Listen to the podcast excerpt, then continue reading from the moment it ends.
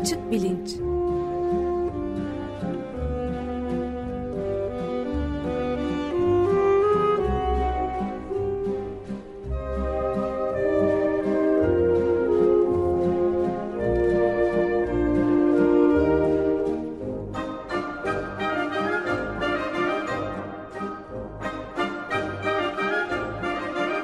Güven Güzeldere ile bilim ve felsefe sohbetleri. Günaydın Güven Bey, merhabalar. Bugün... Günaydın Ömer Bey. Günaydın. Günaydın Özdeş. Ve bugün de bir konuğumuz var, e, Doktor Muzaffer Kaşer. Ve uzun Covid gibi aslında çok üzerinde durulan ama az bilinen bir konuyu konuşmaya çalışacağız öyle değil mi? Siz tanıtımını yapar mısınız Güven Bey? Evet malumunuz acı ağrı serisini bitirdik ama o seride e, karşımıza çıkan başka bir takım e, alakalı konuları işte böyle artçı seriler gibi kendi başına ele almaya karar verdik. Bunlardan bir tanesi COVID ilintili baş ağrısıydı. Geçen hafta Profesör Harun İsa Bolay e, bu konuyu anlattı. E, oradan konuşurken biraz da uzun COVID komplikasyonlarından e, konuşalım istiyoruz. Her ne kadar COVID salgını işte iki buçuk sene önceki haline göre daha hafiflemiş durumda, aşılar var, belki kendimizi daha rahat hissediyoruz filan ama COVID'in e, COVID enfeksiyonundan sonra arkada kalan e, bir takım zorluklar var. Bunları e, çalışanlar e, aslında bu konuya e, ciddi olarak eğilmek gerektiğini e, söylüyorlar. Bu konuda çalışan e, psikiyatrlardan e, bir tanesi de Doktor Muzaffer Kaşar. Bugün konuğumuz. Hoş geldiniz. Merhaba yeniden. Hoş bulduk. Hoş geldin. Davet için. Ben hemen konuğumuzu tanıtıp e, konuya gireyim. Cerrahpaşa Tıp Fakültesinden mezun e, Doktor Muzaffer Kaşar. Daha sonra Bakırköy Ruh ve Sinir Hastalıklarında psikiyatri uzmanlığını yaptıktan sonra İngiltere'ye gidiyor. Cambridge Üniversitesi'nde e, önce yüksek lisans arkasından psikiyatri bölümünde bilim doktorası yapıyor. E, doktora sonra araştırmalarını da aynı bölümde sürdürüp üst ihtisas yaptıktan sonra 2020'den bu yana danışman psikiyatrist olarak bir ruh sağlığı kliniğini yürütmekte. Cambridge Üniversitesi Psikiyatri bölümünde de araştırmalarına devam ediyor. E, birkaç ay önce Cambridge Üniversitesi'nin e, yayınladığı bir bülten uzun Covid'de değinmiş. E, burada diyorlar ki mesela 181 Covid hastasına baktık. Bunların %78'i e, konsantre olmakta güçlük çekiyor. %69'u işte beynimin içinde bir sis varmış gibi hissediyorum diyor. %68'i unutkanlıktan yakınıyor filan. Bunlar tabii çok yüksek e, sayılar e, bu bültende sözlerine yer verilen e, Doktor Muzaffer Kaşer de e, burada aslında ölçülebilen e, ciddi etkiler var ve e, endişe etmemiz gereken bir en azından kaygı duymamız gereken bir şeyler oluyor. Buna bakmamız lazım diyor. O şekilde alıntılanmış. Biz de bugün bundan konuşalım istiyoruz. Çünkü tanıdığımız pek çok insan e, Covid geçirdi. E, uzun Covid e, konusunda endişe etmeliler mi ya da neye bakmalılar? E, uzun Covid'in e, işte öncesi sonrası e, bize biraz anlatır mısınız lütfen? E, tabii. E, öncelikle ben biraz e, uzun Covid'den ne kastediyoruz ondan e, bahsedeyim. E, benim e, özellikle uğraştığım alan bilişsel işlevler üzerine. Dolayısıyla e, biraz önce e, bahsettiğiniz çalışmadan da biraz bahsedeceğim ama Uzun Covid dediğimiz zaman e, Dünya Sağlık Örgütü'nün ve e, işte Britanya'daki e, Office of National Statistics e, denen e, Ulusal İstatistik Enstitüsü'nün e, tanımlarına göre e, semptomların e, enfeksiyondan sonra ne kadar devam ettiğini anlatan bir tanım. Bu tanım e, ve süre ölçütü e, tanımlara göre değişiyor. Bazı yerlerde 4 haftadan sonra e, devam etmesi uzun COVID olarak tanımlanırken bazı yerlerde örneğin e, Ulusal Estatistik Enstitüsü'nün e, en son verileri 12 haftaya kadar devam eden e, semptomları e, içeriyordu. Bizim e, çalışmada e, çalışmada bahsettiğimiz 5 haftalık e, dönemde olan semptomlar e, yaklaşık yüzde 21 e, civarında. Yani COVID enfeksiyonu geçiren her 5 kişiden biri 5. haftada hala e, semptomlarının devam ettiğini söylüyor. En az bir semptomun devam ettiğini söylüyordu. Bu 12 haftaya geldiğimizde %10'lara kadar düşüyor.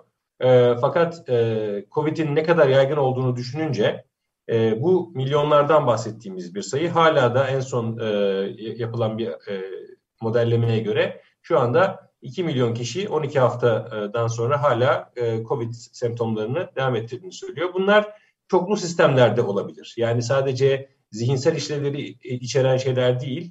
E, en çok görülen e, semptom e, halsizlik. Bunu e, daha sonra bilişsel işlevdeki sorunlar e, izliyor. E, beyin sislenmesi denen, brain fog denen bir durum var. Hani eskisi kadar e, bilişsel faaliyetlerde e, keskin olamamayı e, ifade ediyor. E, bellek sorunları e, var, e, konsantrasyon sorunları var. Bunlar e, sık görülen şeyler ama bunun yanında e, kalp sisteminde e, yine tabii e, akciğerlerde ve e, gastrointestinal sistemde de belirtiler olduğu e, bildiriliyor. E, bunun için şu anda kurulmuş uzun COVID klinikleri var. En azından e, bu durumun başka bir komplikasyona yol açıp yol açmadığını anlamak için. Örneğin kalpteki pıhtılaşma e, sorunları oldukça e, konuşulan e, sorunlardan biri.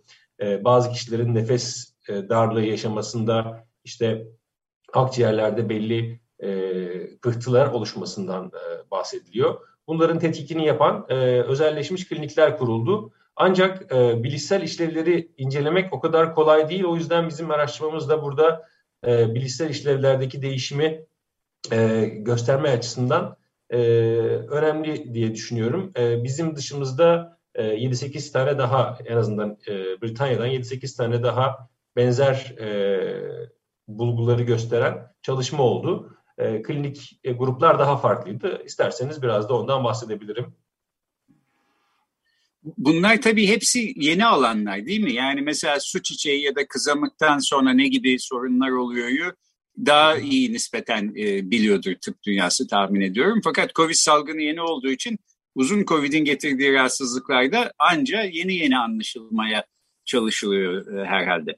Evet, tam da öyle. Ee, en önemli noktalardan bir tanesi bu e, sorunların ne kadar sürdüğü, ne kadar uzun sürebildiği. Bazı kişilerde ayları buluyor bu sorunlar. Bazı kişilerde haftalar içinde e, çözülüyor. Tabii e, bizim e, araştırmamızdaki çoğu katılımcı ilk e, dalgada e, enfeksiyonu kapmıştı ve e, o zamanlar aşı mevcut değildi.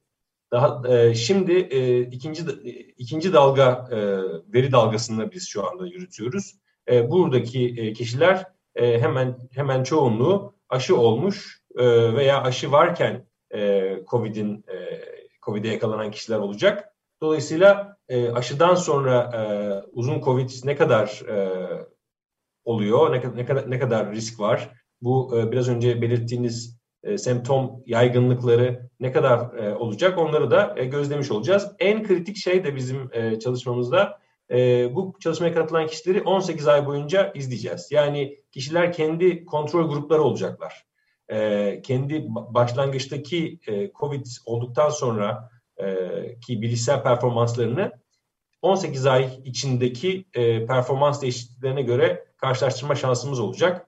Bu da bize e, daha ayrıntılı bir bilgi verecek. Çünkü kesitsel olarak baktığınızda e, bu kişilerde e, COVID'den sonra e, birçok etken var ve e, e, kontrol grubuyla karşılaştırdığınızda bir fark bulabilirsiniz. Ama e, önemli olan uzun vadede bu farkların kalıcı olup olmayacağı. Dolayısıyla uzunlamasında çalışmalar önemli. E, bizim dışımızda başka gruplarda e, bu tür çalışmalara devam ediyorlar. Uzunlamasında e, izlem e, önemli olacak. Peki kalıcılık konusunda e, tahminler, beklentiler ya da hayal kırıklıkları da diyeyim. E, yani nasıl bir ön tahmin var mı bu konuda? Kalıcılık süresi konusunda yani. E, biraz önce bahsettiğim e, bazı kişilerde ayları kadar ayları bulabiliyor ve e, e, ko, uzun Covid ile ilgili şöyle bir şey oldu. E, belki çok yaygın olmasından, belki mevcut e, sosyal medyanın ve diğer iletişim ağlarının yaygın olmasından dolayı e, uzun Covid araştırmalarının e, lokomotiflerinden bir tanesi uzun Covid yaşayan kişiler oldu. Ee, örneğin bizim e, araştırmadaki e, yazarlarımızdan bir tanesi kendisi de uzun Covid yaşamış olan birisi ve e, araştırmayı planlarken e, uzun Covid destek gruplarından çok fazla e, görüş almış olduk. Zaten bu normal şartlarda herhangi bir araştırmada yapılması gereken bir durum ama uzun Covid için bu e, çok daha e, belirgin bir hale geldi. E, daha sübjektif olarak kişilerin söylediklerini e, incelersek onunla da ilgili bir takım yayınlar var. E, insanlar neler yaşadıklarını anlatıyorlar. E, en çok anlattıkları şey semptomlarına inanılmaması. Yani diyor ki ben artık eskisi gibi e, hafızam çalışmıyor, eskisi gibi konsantre olamıyorum ya da halsizim, enerjim yetmiyor. Fakat e, başvurdukları sağlık e, birimlerinde veya e, çalışma arkadaşlarında hatta e, ailesi arkadaşlarında dahi kişiler bu belirtilerin e, gözden e, gör, görmezden gelindiğini ve ciddiye alınmadığını söylüyorlar. Bu elbette ekstradan bir e, ruhsal yük yüklüyor insanların üzerine ve e, daha da e, zorlaşmasına sebep olabiliyor e, o ilk yaşanan belirti sorunlarının. Peki diyelim ben Covid geçirdim ve Covid sonrasında işte böyle unutkanlık yaşıyorum, bir takım bilişsel zorluklar yaşıyorum filan. Ee, birisine gidip bir doktora kendimi inandırıcı bir şekilde e, sunmam bir sorun. Ama diyelim sundum, doktor da inandı. E, benim hakkımda nasıl bir gelişme kaydedeceğim konusunda bir araştırma, inceleme yapmanın ötesinde bana fayda sağlayacak tedavi yöntemleri var mı? E, bu uzun COVID'in bir e, çaresi e, bulunmuş durumda mı ya da bulunuyor mu? Kısa cevap hayır. Henüz e, bir tedavi yok. E, şunu biliyoruz. Aşılar yapılmaya başladıktan sonra ki Britanya'da Aralık ayıyla itibariyle başladı. Aralık 2020 e, itibariyle başladı e, Ocak'tan itibaren daha Ocak 2021'den itibaren daha yaygın oldu. Aşılardan sonra e, bazı kişiler daha önce e, aşıdan önce uzun Covid belirtileri olan kişiler aşı olduktan sonra belirtilerinin kaybolduğunu e, belirttiler. E, ancak e, haberler o kadar da e, iyimser değil. Aşılar çok daha yaygın olarak kullanılmasına karşın e, sürekli yeni varyantların e, gelmesi ve e, daha fazla kişinin enfekte olması dolayısıyla aşılar riski azaltsa dahi e, tamamen ortadan kaldırmıyor. E, ama şunu söyleyebiliriz, aşı olmak bir kere e, uzun COVID'den korunmak için e, en önemli şeylerden bir tanesi. E, tedavi çalışması henüz e, birebir böyle randomize kontrollü çalışma olarak bir çalışma yok. E, birkaç değişik e, birkaç değişik e, bitkisel maddenin kullanıldığı çalışmalar var. Bunlarla ilgili sonuçlar e, yavaş yavaş ortaya çıkacak. Ama henüz e, bir yeni bir ilaç kullanıl, kullanılması gibi bir e, durum söz konusu değil. Bir de tabii en büyük zorluk e, çok fazla belirtisi olan bir durum olduğu için e, uzun COVID'in hangi belirtisine yönelik ne yapılacakla ilgili bir sorun var. E, şunu söyleyebilirim klinik açıdan. Uzun COVID kliniklerinde ağırlı, ağırlıklı olarak fizyoterapistler ve uğraş terapistleri çalışıyor. E, onlar e, özellikle halsizlik belirtilerine yönelik bir takım egzersizler ve rehabilitasyon programları uyguluyorlar. E, bunlar örneğin e, halsizlik belirtileriyle ilgili faydalı olabilir. Bunun e, kognitif rehabilitasyon, e, bilişsel rehabilitasyon tarafı da e, gündeme gelebilir. E, örneğin başka psikiyatrik rahatsızlıklarda, bilişsel etkilenmeyle giden e, psikiyatrik rahatsızlıklarda kognitif rehabilitasyonun e, işe yaradığını gösteren çalışmalar var. E, bu da e, uzun COVID'de böyle e, çalışmaların e, yani bilişsel tekrardan eğitimin e, faydası olabileceğini bize düşündürüyor. Ama bunlarla ilgili tabii e, kontrollü araştırma yapmak gerekiyor. Tamamen kalıcı e, olarak bir şeye rastlandı mı bugüne kadar uzun Covid'de kalıcı etkiye? Ee, şöyle bir ilginç çalışma var. Ee, Oxford Üniversitesi'nden araştırmacıların yaptığı bir çalışma. Ee, UK Biobank diye bir biyobanka var. Yani kişilerin gönüllü olarak e, belli aralıklarla e, hem anketler yoluyla veriler sağladıkları hem de e, görüntüleme ve e, işte bilişsel testler yoluyla e, veri sağladıkları bir e, biyobanka var. Bu biyobanka katılımcıları oldukça büyük bir, bir biyobanka. Bu biyobanka katılımcılarından e, COVID olanları e, alarak işte yaklaşık 700 kişilik bir gruptan bahsediyoruz. 780 kişilik bir grup.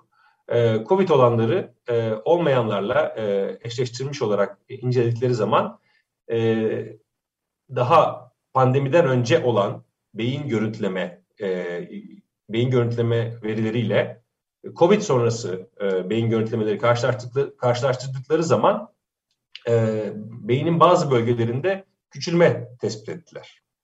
E, bu bölgelerin e, deki küçülmenin tam olarak neye yans, yansıdığını e, tam olarak açıklamış değiller. Ancak e, işte e, COVID'de çok sık görülen koku kaybı olan bölge, örneğin olfaktör e, e, beyin bölgesi dediğimiz bölgede bir azalma, e, hacim azalması olduğu.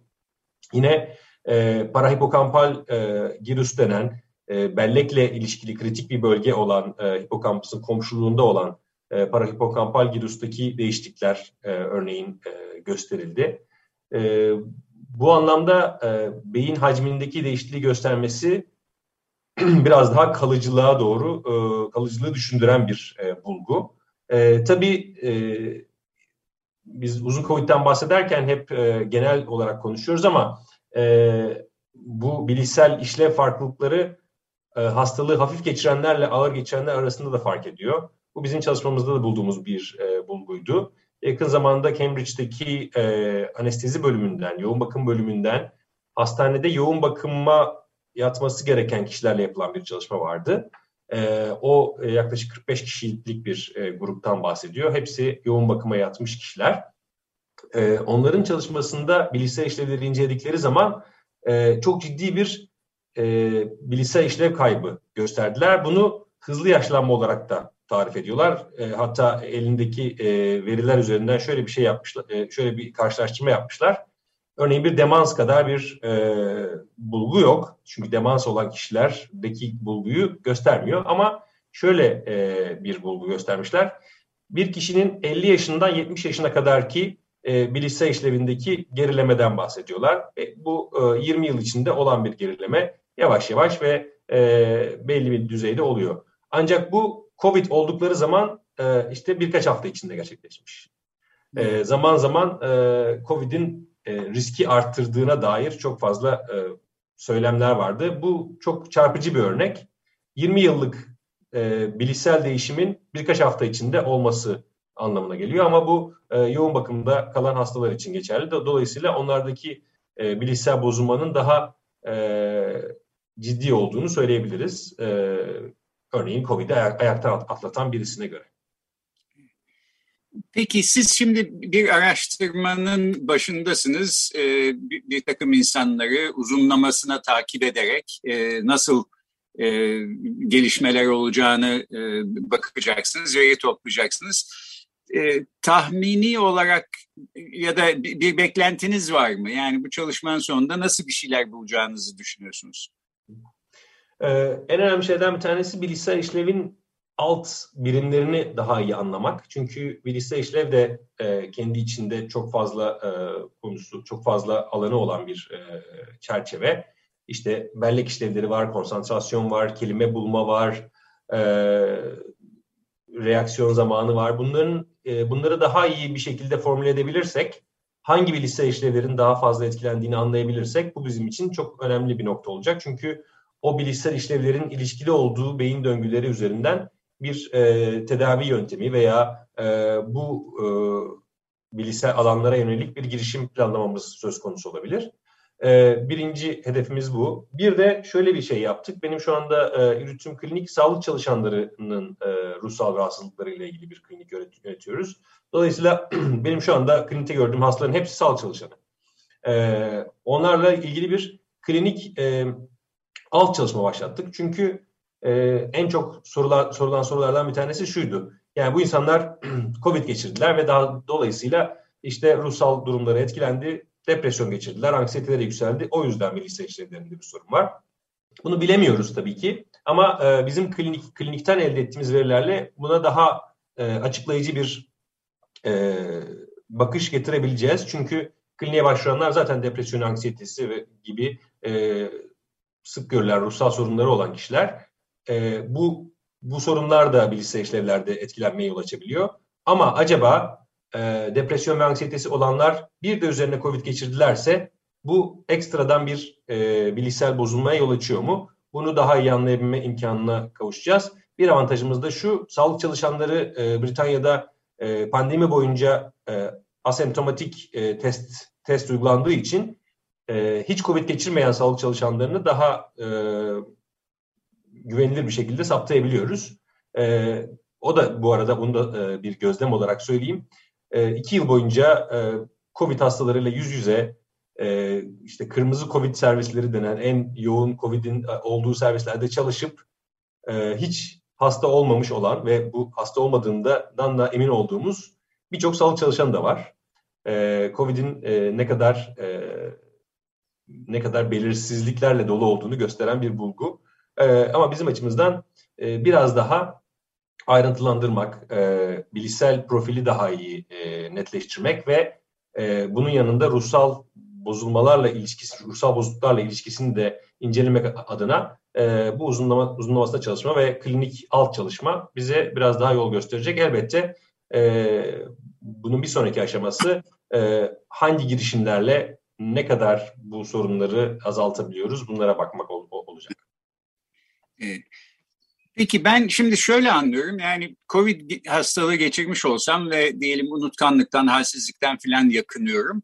Ee, bir doktora gittim, bir ilaç aldım, iyi oldum gibi bir durum söz konusu değil ama herhalde yine de bir e, doktora görünmekte fayda var. Çünkü e, işte ya beynimin içinde bir sis var gibi çok daha sis hissediyorum kendimi dediğim zaman insanların ya abartıyorsun işte hadi e, kendine gel falan demesi yerine e, değil mi bir e, doktor tarafından bunun tanınması, tasdik edilmesi neyse bile kendi başına herhalde bir e, iyileştirici e, unsur olabilir.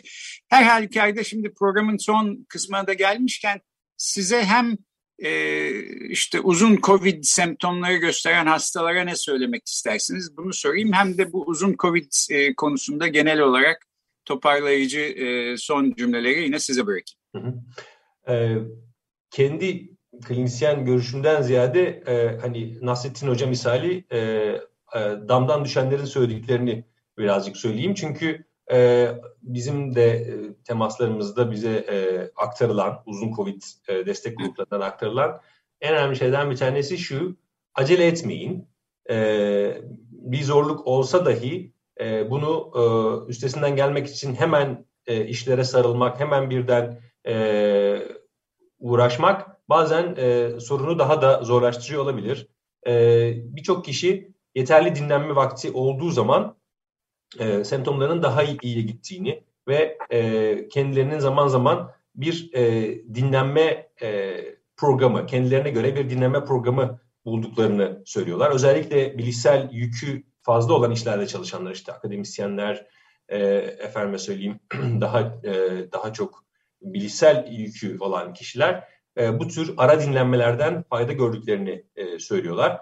E, çok da makul görünüyor. E, ama onun dışında e, biraz önce sizin e, Güven Bey sizin söylediğiniz e, doktora görünme meselesi de önemli. Çünkü başka herhangi bir etken var mı bu durumu oluşturan? Onları dışlamak da önemli. E, çünkü e, bazen COVID o kadar yaygın olduğu için bütün neredeyse e, odak noktamız COVID gibi oldu ama başka hastalıklarda devam ediyor ve başka sorunlar da devam ediyor. Belki altında yatan bir tiroid rahatsızlığı çıkabilir, altta yatan bir vitamin eksikliği olabilir başka sorunlar olabilir. Bir, en basitinden bir demir eksikliği olabilir.